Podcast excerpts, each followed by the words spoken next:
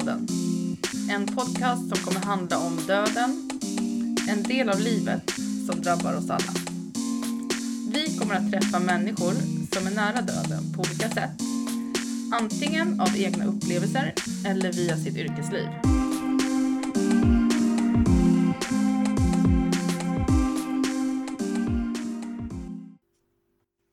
Döden-podden dags. Igen. Snart är sommaren här. Ja, herregud, mitten på maj. Mm. Spännande. Vi ska höra del två med Åsa. Den kloka Åsa. Precis, och vi pratade om pa- palliativ vård för något halvår sedan med Rika Skröder. Mm. Men nu blir det ju andra erfarenheter från en, en sjuksköterska.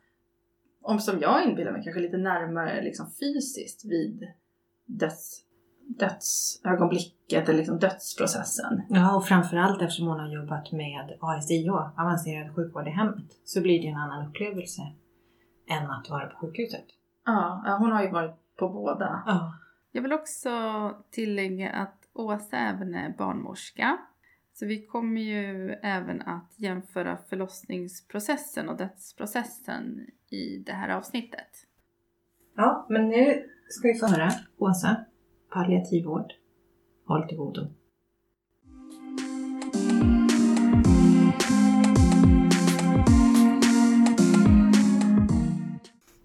Men om vi byter spår lite till det här med Ja. palliativa vården. Ja. Ehm, ser du någon eh, likhet med den erfarenheten och förlossning? Ja, många. Jag var så bara förvånad jag blev! Ja, där hade man ju velat översätta till ljudupptagning. Ja, det var ju som två fågelholkar. Ja, men det är ju, ja men precis, kanske livets liksom motsatser eller ytterligheterna. Det är födande och död. Men, men eh, det finns oerhört många eh, gemensamma nämnare och, och så, dels är det väldigt mycket, det är, det är väldigt mycket närvaro och liv och eh, så kraft i båda de här rummen. Ja. Ehm, och för mig som för mig som bistår då i båda de här situationerna så är ju mitt förhållningssätt och min... Eh, det, det är väldigt liknande. Alltså det krävs en oerhörd närvaro Mm. med alla sinnen Mm. för att det ska bli bra. Om jag ska hjälpa någon eller Mm. vara nära någon i de här skedena. Och eh, det, det, eh, det är situationer som båda i- är, inbegriper eh, kontrollförlust, Just det. kanske Mm. smärta i Mm. båda fall även om Ja, vi båda lägren är, är, är duktiga på att lindra smärta. Mm. Men eh, smärta, kontrollförlust, eh, att våga ta kliv, alltså olika övergångar. Mm. Förlossningen och förlossningens skeenden är ju, handlar ju ganska mycket om olika övergångar. Och nu när vi pratar eh, om övergångar och jämför processen med död och förlossning. Hur ser människors resa ut och hur är det i början?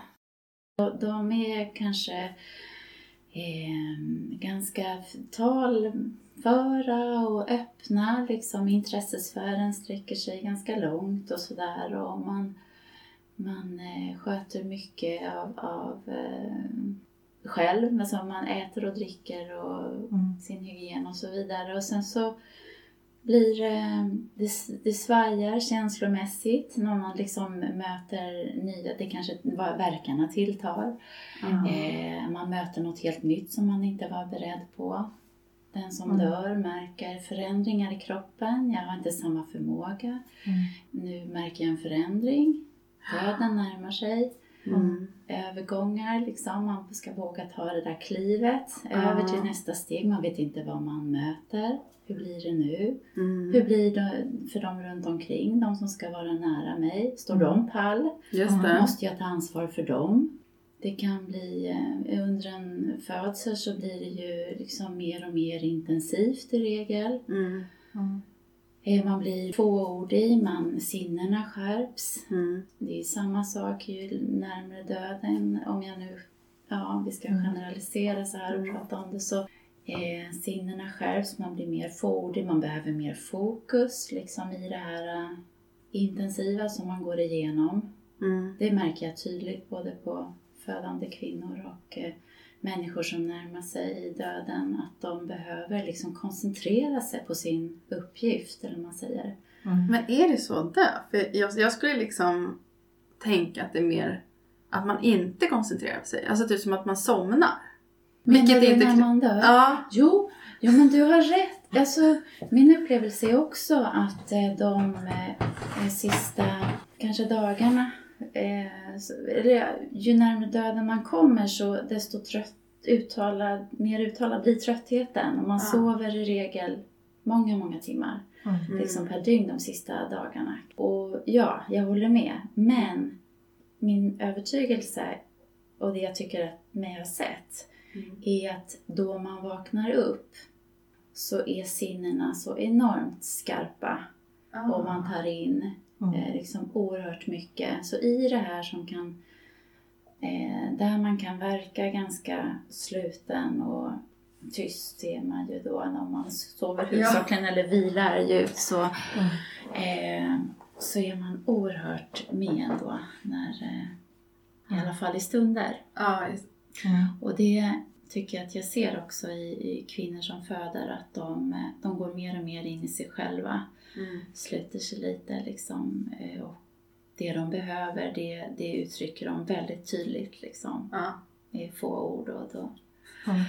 kort och koncist. ja. Jag känner igen det. Utan, ja men och det är också så skön, kom, det är som inte det här kallpratet.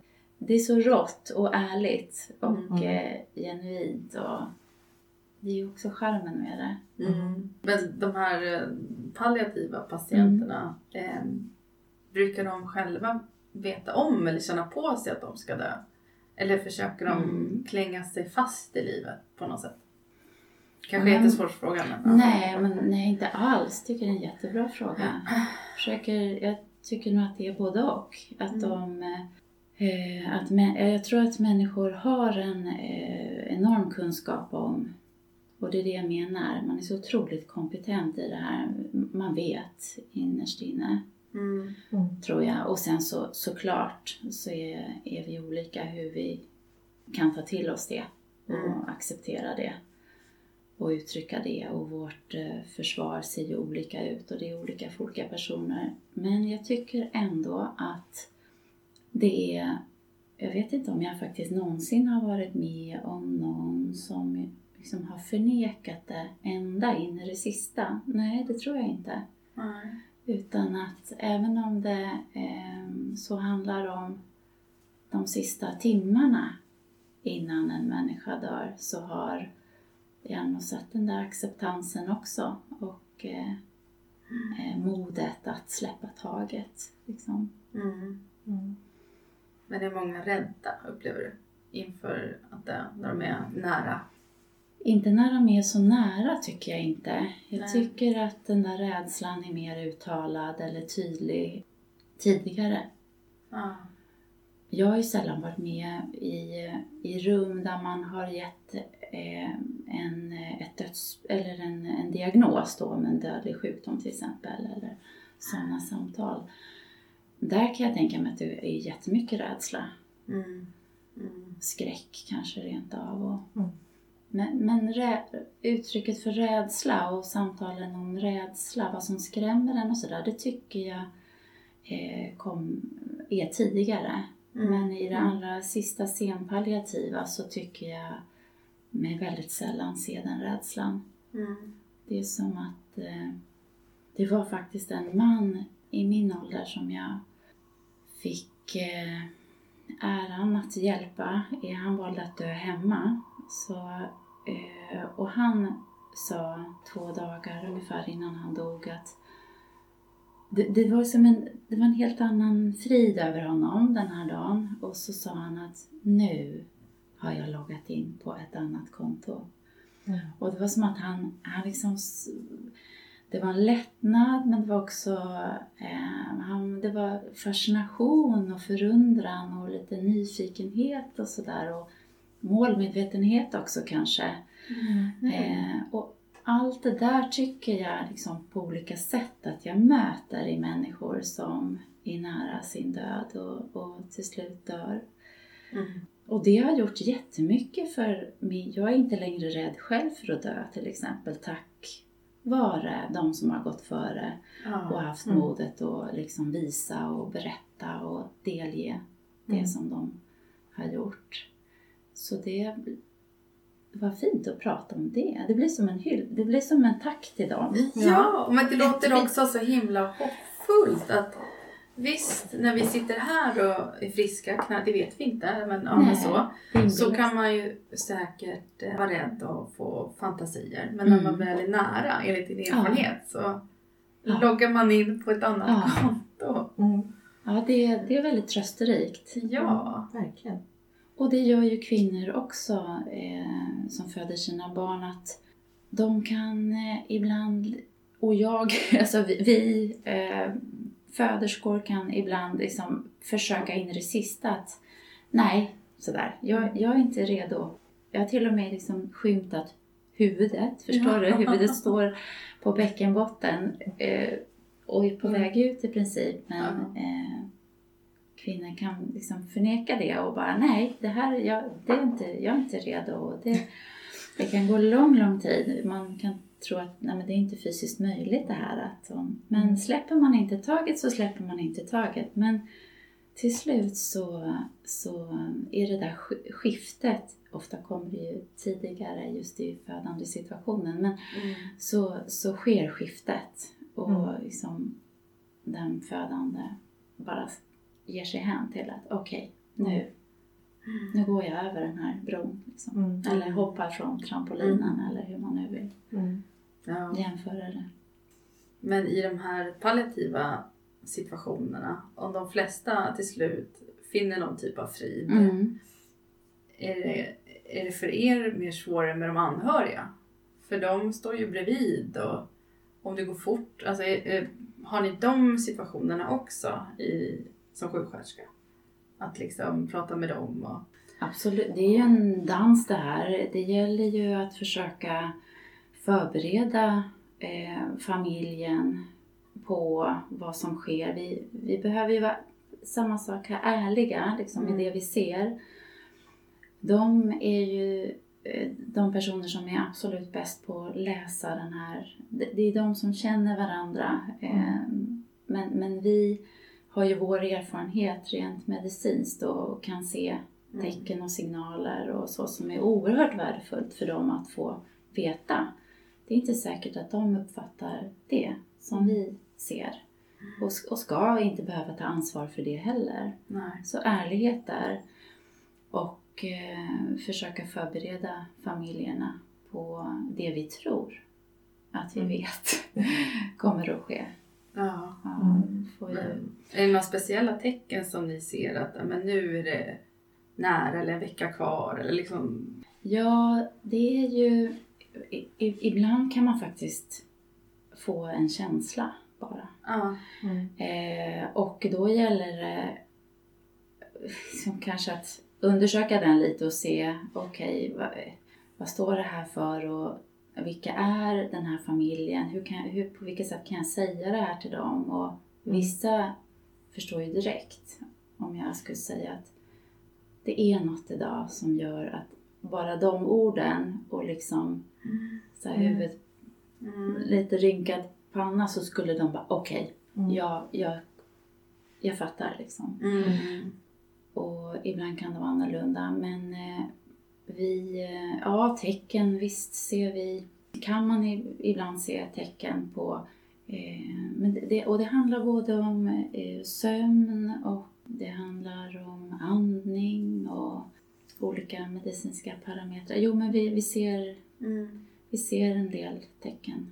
Och eh, det är ju prognoser såklart. Det är gissningar. Men vi, vi måste ju vara ärliga med det och säga till familjen att nu ser vi det här. Och det skulle kunna vara ett tecken på att Mm. det här blir Åsas sista dygn. Mm. Mm. Eh, eller nu har läget förändrats på det här sättet och det gör att det skulle kunna vara så att det är bara timmar kvar. Mm. att liksom försöka vara så ärlig så att föräldrarna eller familjen kan få veta helt Ja. enkelt. Och, och förhålla sig till den tiden och använda tiden på, på det sätt som de vill använda den till. Mm. Mm. Det är ju, de här timmarna, tid för oss är ju, om vi nu sitter här och, och inbillar oss att vi är helt friska och har en förväntad lång överlevnad så kanske vår relation till tid inte är så viktig. En timme hit eller dit eller en dag hit eller dit. Det, Mm. det är inte så värdefullt men i en sån här situation är det ju enormt värdefullt med Va, får vi liksom en dag till kanske eller Mm. Ja. Oj, det, ja, det, det var inte de sista tre timmarna. Vi fick tre timmar till. Och är det något mer jag vill fråga? Eller är det något mer jag vill säga? Eller något mer jag vill... Så att det, det är viktigt för oss att berätta. Mm. Har det liksom påverkat dig så att du är mer tacksam för den tiden du har? Förstår du vad jag menar? Nu Ja. kanske jag blir väldigt liksom, konstig fråga men Nej, inte alls. Jag tänker att det Jag är så... Nej, och jag, och jag tror jag förstår vad du menar. Och du, ja, men du ser min klocka här. Den är ju... Den här köpte jag nog när jag började jobba, mitt första jobb på palliativ vårdavdelning. Och sen när batteriet stannade, nu har Visa gått sönder också såg jag. Eh, Visare. Men eh, då fick det här bli symbolen för att nu är tiden inte... Alltså den tid jag har är nu verkligen. ja. Ah. Eh, så att eh, ja, det har påverkat mig enormt mycket. Mm. Och det, alla de samtal som jag har haft förmånen att få ha med människor eh, som haft en begränsad tid kvar att leva och som har stått inför döden. Ja, det har, jag skulle påstå att det har påverkat mig enormt mycket. Mm. Att jag kanske nästan är en, en innan och en efter. Ja. Eh, Det är svårt att inte bli påverkad när man får ta del av så. Vad brukar de säga då innan de är Ja, men-? Bland annat är det här som du sa, Rosmarie, att Mm. tiden liksom, det, ja tiden är nu. Mm. Jag, jag lever inte alls så framåtlutad längre eller tänker att det är dit jag ska eller bara jag kommer dit så blir det bra. Ja, Mm. men de, de har lärt mig att det, det är inte där borta lyckan är eller utan gräv där du står liksom. Mm. Se, det kan, det kan ju låta klyschigt kanske men, men det, och då får du göra det. Mm. Men det har de, jag har verkligen lärt mig eh, av de här åren att eh, njuta av stunden, Mm. se liksom det stora i det lilla, Mm. förundras, var tacksam. Eh, använd nuet för det som är viktigt för dig. Mm. Det, jag har lärt mig att jag är verkligen inte immun Mm. mot död. Det, eh, jag menar eh, eh, kanske att även om jag är ung, jag har ju vårdat människor eh, som har varit yngre än jag, Mm. eller lika gamla och som har varit kärnfriska och elitidrottande och sunda och, och sådär. Eh, med rent samvete och goda intentioner och allt det där. Och ändå så är de döda. Mm. Mm. Så att ja, ingen går ju fri. Nej. Och det, är- det, vi, där är man ju överbevis. Ja, det finns ju ingen som, Mm. vad vi vet, som Nej. har eh, överlevt döden. Så det, men jag förstod det på ett annat sätt såklart genom Mm. att vara i de här rummen. Eh, Jag tänkte på det du sa också just om närvaro. För Ja. du kan inte vara riktigt närvarande om du hela tiden planerar framåt eller om du är liksom exakt. där borta eller det är nästa steg. Utan du måste ju vara Exakt. här och nu. Ja, det är omöjligt. Ja. Jaha, tidsperspektivet. Nej. Ja. Ja, men, Ja. ja, Jag och förlåt. att jag drar- nej, det är ingen fara. Jag drar mycket paralleller liksom just här till att vara med barn generellt. Ja, Då är du här. verkligen. Och som de ser igenom om du inte är det. Mm. De avslöjar dig direkt. Ja, det går inte att låtsas. Det går inte att låtsas. nej, nej. Och det går heller inte förbi en födande eller döende Nej. person. Men jag, en fråga gällande, jag är kvar i det här dödsrummet faktiskt. Du är kvar i dödsrummet. Ja, då, då ska du få vara där. Vi är med dig där. Ja, Det kommer. Nej, men jag, det jag ville fråga dig var att när man har hört eh, när folk har varit med om det du, att man är tillsammans med någon som, som dör Mm. Att det blir en ändring i rummet. Typ som att, Ja. ja nu vet inte jag hur jag, jag skulle kunna beskriva det. Men eh, känner du igen den? eh? Ja. Ja. Ja. Okej. Vill du utveckla? Ja, vill inte du utveckla? Jag är så nyfiken på vad du har varit med om också. Det, det, alltså, när det gäller den här erfarenheten så har jag ju faktiskt inte varit med att någon, alltså jag har aldrig varit med någon som dör. Ja, mormor kanske. Ja, nej, nej. Nej, men jag tycker att jag har känt det varje gång. Eh, det är...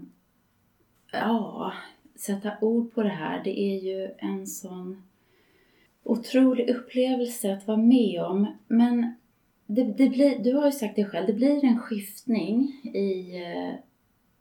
Jag upplever att det blir en skiftning i rummet, i energier på något sätt. Mm. Eh, och jag kanske skulle våga gå så långt som att säga att det, jag kan jämföra det med att någon ena sekunden är där och andra sekunden har gått och Mm. inte är där. Mm. Så det har inte bara att göra, det har inte med att göra eh, som, med något fysiskt, något jag ser, utan det är något jag upplever, känner. Och eh, det är olika hur lång tid efter dödsögonblicket som det där sker. Ah, det där skiftet. Det där skiftet. Jag har varit med om att det sker ganska alltså inom en kvart. Och, eh, och någon gång har det tagit många, många timmar. Mm. Och, och, och andra har ju andra erfarenheter och kanske kan det ta mycket längre tid än så också. Jag vet inte. Men det är väldigt tydligt hur eh, man, jag har känt att nu är det något som försvinner härifrån. Mm. Och jag minns första gången jag satt eh, vid eh, och vakade över en man som var döende. Det var hemma i hans eh, hem. Det var jag och hans fru då som turades om att sitta vid hans säng. Och den här mannen dog. Och det var första gången som jag såg en död människa. Första gången jag var med om det här. Jag jobbade i hemtjänsten. Men och efter att han hade dött så satt jag och hans fru på var sida om hans säng. Och sen, som jag minns det, så var det som på en given signal. Vi var så synkade i det här att börja röra på oss och, och låta och sådär. Jag tror jag sträckte mig efter någonting och det knarrade i stolen. Och hans fru gick upp och sa så här, nu känner jag att jag vill öppna fönstret. Undrar om inte det är själen som vill släppas fri, säger hon. Ah.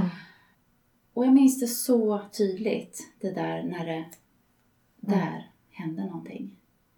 Och så var det som att vi hade liksom hållit andan lite och sådär. Mm. Och så slappnade av. Ah. Gud vad Eh, fascinerande. Mm. och sen har jag liksom återkommande känt det Mm. alla gånger. Och hör ju andra också beskriva det här. Ja. eh, och kollegor. Så att det, det är inget som... eh, I, i, I vår bransch så det är ingen som tycker det här är konstigt. Så, så Nej. att det- jag antar att de allra, allra flesta Mm. upplever det här som får sitta vid sidan. Då har jag en, en följdfråga. Nej men jag tror jag, jag lyssnade på en TED-talks, någon som jobbar palliativt. Och då sa han att eh, ibland, de här som ska dö, så, så berättar de för sin läkare eller syrra att, att de har, åh nu har jag träffat mamma eller nu har jag träffat brorsan. Och att de sen har blivit lugna. Att de liksom har sett det eller drömt eller ja, så. Mm. Är det något du, du känner igen? Ja, och vet du, jag, ja, det, för det är det här två år sedan kanske, då jobbade jag lite extra, lite, gjorde lite tim extra jobb på, eh, inom ASIH. Jag var barnmorska men jag, jag liksom kan inte slita mig riktigt från det ligger mig varmt om hjärtat båda delarna. Men så jag eh, var hemma hos en dam, hon var över 90 vill jag minnas. Och vårdade henne sista veckan, nästan dagligen var jag hos henne. Och eh, så vid sista tillfället, dagen innan hon dog, så, två dagar innan jag dog, eller innan hon dog, så var jag hos henne för att sköta om eh, alltså det var ganska mycket medicinsk, teknisk eh, omvårdnad där hos henne vid det tillfället. Och då märkte jag på henne att hon hade begränsade möjligheter att prata. Och, eh, så jag sa det till henne att eh, jag, jag ser nu att du, du pratar inte så mycket och jag förstår att det är så nu. Och jag är här för att göra det här och jag är helt säker på att jag kommer att märka om du vill säga något till mig eller om det är något som inte känns bra. Men jag gör det här nu som du vet att jag har gjort förut. Och, och så började jag och så gjorde jag klart det här och sen så, så sa jag till henne att jag vet inte om, om vi kommer att ses i det här livet något mer men jag vill att du ska veta att jag har varit så givande och jag är så tacksam för att ha fått, ha fått vara hos dig. Eh, Så jag vill tacka för allt det. Jag önskar dig en fortsatt trevlig resa. Så här, jag hade pratat ganska mycket om döden och hon liksom så utan att gå in mer på det så var det så jag sa. Och då så såg jag så här lite i mungipan hur den, liksom, det där diskreta leendet kom fram. Eh, och sen så kom nästa dag och jag var inställd på att eh, den här kvinnan kanske skulle vara död då. Och när jag kommer till den här familjen, då är hennes dotter och dotterdotter där som vakar hos henne och som skulle vara med när hon dog. Och eh, den här kvinnan lever, hon ligger i sin säng. Och så berättar dottern till den här kvinnan att i morse så trodde vi att mamma dog, säger hon. Vi hörde på andningen hur den blev ojämn och den blev rosslig och eh, vi såg på, vi hade pratat om de här kliniska tecknen så som kan komma eh, i syfte då att de skulle kunna bli förberedda och sådär. Mm. När man vårdar någon anhörig hem så kan man alltid ringa oss men Mm. man, man försöker ändå förekomma och liksom berätta vad de kan möta Ja. berättade om det här och så sa hon, och så satt vi vid mammas säng när hon dog. Fast hon gjorde inte det, sa hon. Men hon hade nog andningsuppehåll i fyra minuter ungefär. Oj. Eh, så kändes det för den här dottern. Mm. Och så berättar hon att mamman hade efter det här långa andningsuppehållet vaknat till, öppnat ögonen och sett som förvånad och häpen ut och, och, och lite besviken. Och så berättar hon att då har hon sett sin make, för han var, hade dött före den här kvinnan. Han var död helt enkelt. Och eh, hennes, jag tror att det var hennes svägerska, blir det makens? Ja, det var, Syster. ja, Ja. så. De hade stått med ryggen emot henne, vänt sig om, haft någon så här kratta eller något eh, arbetsredskap i händerna som, som de höll på att jobba. Vänt sig om mot henne när hon kom gående då. Hon hade en jättehärlig känsla och hon, när hon fick se sin man och den här eh, systern så blev hon så överlycklig. Och så precis när hon skulle sträcka ut armarna och liksom möta dem och förväntade sig att bli mot omhållen så, så tittar de argt på henne och säger irriterat liksom Du skulle inte komma ännu. Det är för tidigt. Vi är inte klara. Hade de sagt. Och jag får, jag får den här historien berättad till mig av, av, av dottern och dotterdottern. Vi sitter liksom vägg i vägg med den här kvinnan som ännu lever då, som ligger kvar på sin Mm. plats i sin säng. Och, och sannolikt hör ju hon vårat samtal. Mm. Ja, men det... Så hon vände tillbaka och eh, ja, i vår fysiska värld så var det fyra minuter ungefär Mm. började hon andas igen och berättade det här. Mhm. Och samma kväll så senare, eller om det var dagen efter, så dog hon. Så jag hoppas att de var färdiga då. Men, Ja, för festen kanske. men Ja. det kanske var förberedelse för festen, ja. Ja. Ja, blev säkert väl emottagen. Ja. Det är ju intressant att du känner igen det och att du har hört det. Ehm, ja. jag, jag hörde en föreläsning på TED Talk. Ja. Det var, tyckte det var spännande. Mm. Mm. ja jag har hört det många gånger. hört. Ja, du också? Mm. Just hur man liksom har varit sjuk Ja. och så har man bara kommit till det här Mm. varma ljusa stället. Det är släktingar, man har inte ont, allt är så bra. just det. Mm. Sen är det någon, ursäkta uttrycket, jävel som får en tillbaks. hårt. Ja men förlåt, men det är, det är väl lite så känsligt just den här liksom, det blir så platt fall.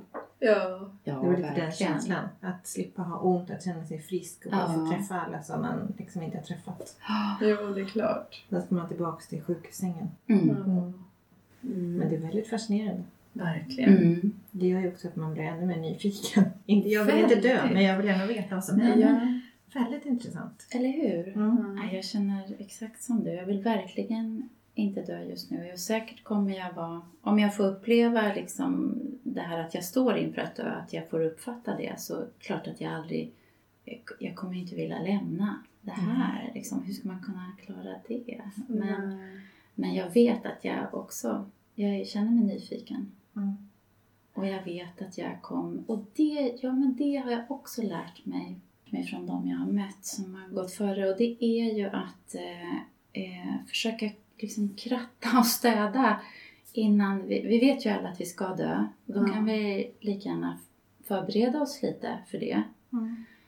För att det ska gå så lätt som det bara kan gå sen, när vi väl är där. Men när, när, när du pratade om att kratta, menar du Mm. rent praktiskt? Att liksom de facto städa ut hemma och inte Ja. ha massa gammalt? Eller menar du Ja. känslomässigt? Ja, både och. Ja, framförallt känslomässigt. Låt säga att jag liksom, nu ikväll då, kommer att ligga inför döden.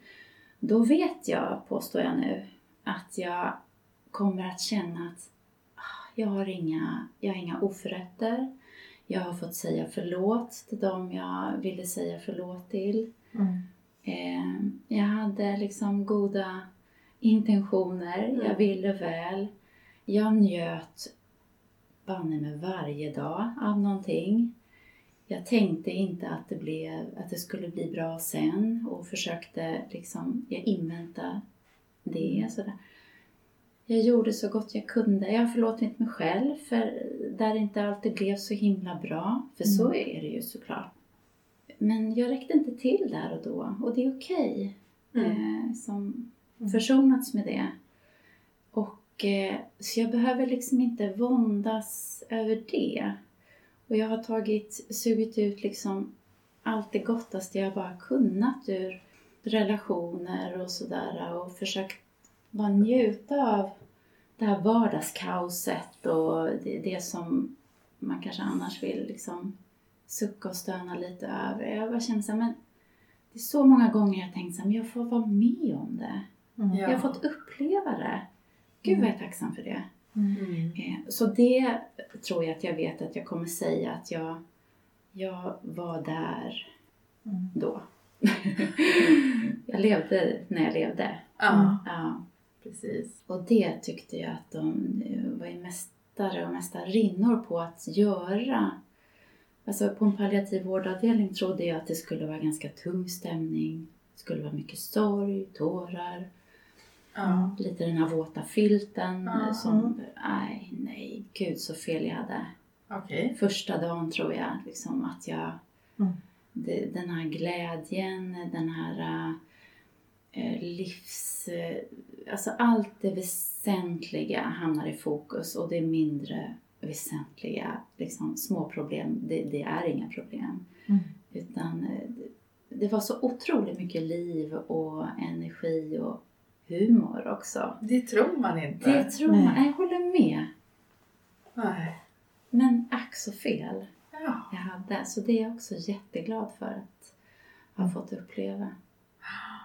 Men det är ganska rimligt ändå om vi då på ett sätt, och många kan ju beskriva det också, att jag är ändå ganska tacksam för att någon nu har sagt, hur fel det än kan vara, någon har sagt nu två år eller Mm. två månader eller Mm. Alltså när det får, när chock och sorg och ilska och förnekelse, när det liksom skingrar sig och, och man kan hitta något då positivt Mm. i en sån situation så är det ändå det som har kommit. Att wow, vilken gåva! Nu kan jag verkligen så här ägna mig åt det väsentliga för att kunna Mm. Mm. sen säga att åh, vad jag levde Mm. när jag kunde. Ja, att jag gjorde mitt bästa liksom. Ja. Hela tiden. Och sen så har man ju dagar när livet känns som en våtfilt generellt. Eller hur? Men det är okej. och det är just ju, att man ja. låter dem vara de dagarna och inte mer än så. Precis. Och ibland blir dagar till veckor och månader. Och då är det så det är. Det är djupt Precis. mänskligt det är att vara människa, Mm. liksom, att Mm. uppleva det där. Men, och då kanske utmaningen blir att inte försöka ändra på det. Mm. Utan, ja, så här är mitt liv just nu. Mm. Jag är fine med det. Men gud vad fint att ha telefonboken med fyra fina vänner liksom. Mm. Eller Mm. ett nummer till en Mm. människa som jag vet älskar mig. Mm. Liksom. Och så kan man glädjas åt det. Och, Precis. Ehm, jag tror jag har en fråga till. För jag var inne på det här skiftet vi pratade om med döden.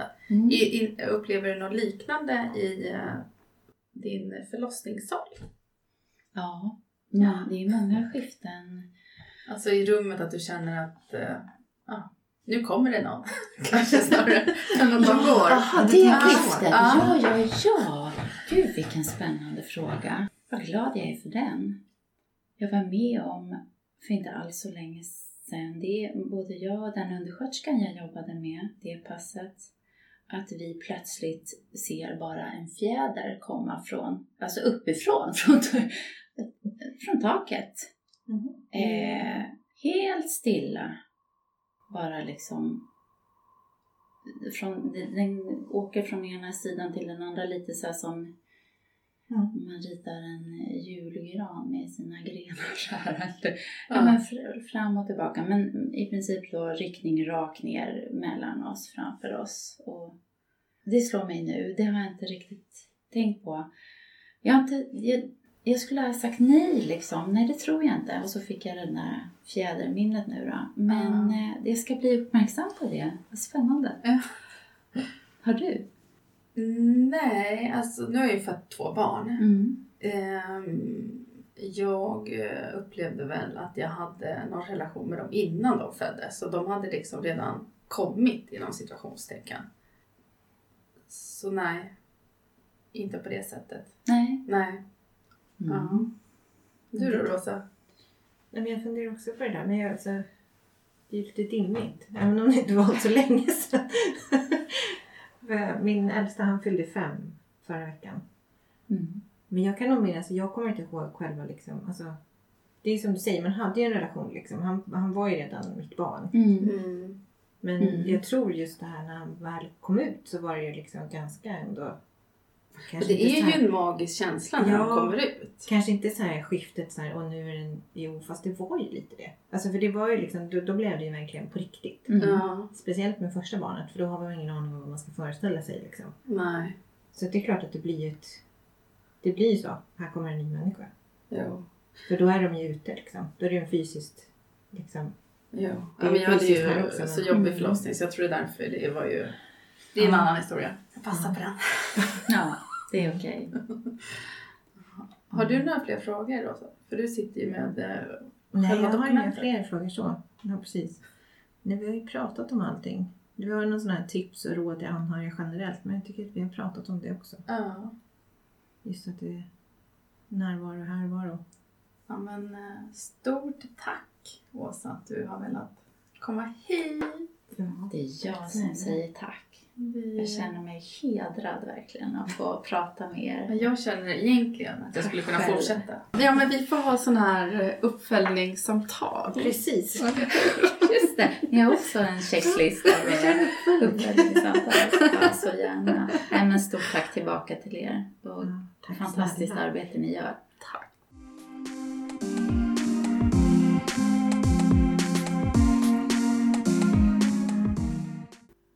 Ja, nu eh, har vi hört så mycket klokskaper. Ja, verkligen. Och så fascinerande erfarenheter hon kommer med. Och som får mig att bara fundera. Ja men det här när vi pratar om skiftet i rummet och Mm. sånt som eh, kommer med erfarenhet då från hennes sida. För hon har varit med flera, flera gånger men som är svårt att kanske läsa sig till i en medicinsk bok. Mm. Ja, det tror jag absolut. Men sen tycker jag, jag tar nog mest fasta på just det här som du sa, som Åsa berättade. att Vad är det som är väsentligt egentligen? Att ta vara på det man har faktiskt. Mm. Och leva när man lever. Mm. Och inte leva för att man ska dö. Precis. Eller leva för att man är rädd för att dö eller leva för att man är rädd för någonting annat. Utan att faktiskt leva det liv som man själv vill leva. Otroligt viktigt och otroligt Precis, och det är då som imponerande. den här döden, döden är en del av livet, som vi säger, Ja, på något sätt eh, har sin starkaste påminnelse för det att leva här och nu. mm, Att döden och livet hänger ihop. precis. Ja, jag hoppas ju på något sätt att folk lever det liv de vill leva. Även fast de inte har en döds dödlig sjukdom som liksom hänger över en. Utan man faktiskt gör det för att ta vara på livet. Ja. Jag säger så här, fler Åsa till världen. Det behövs. och tack snälla Åsa för att vi fick ta del av dina erfarenheter och din tid. Yes. Tack för att ni har lyssnat här nu. Vi hörs nästa gång. Ta hand om er. Ta hand om er.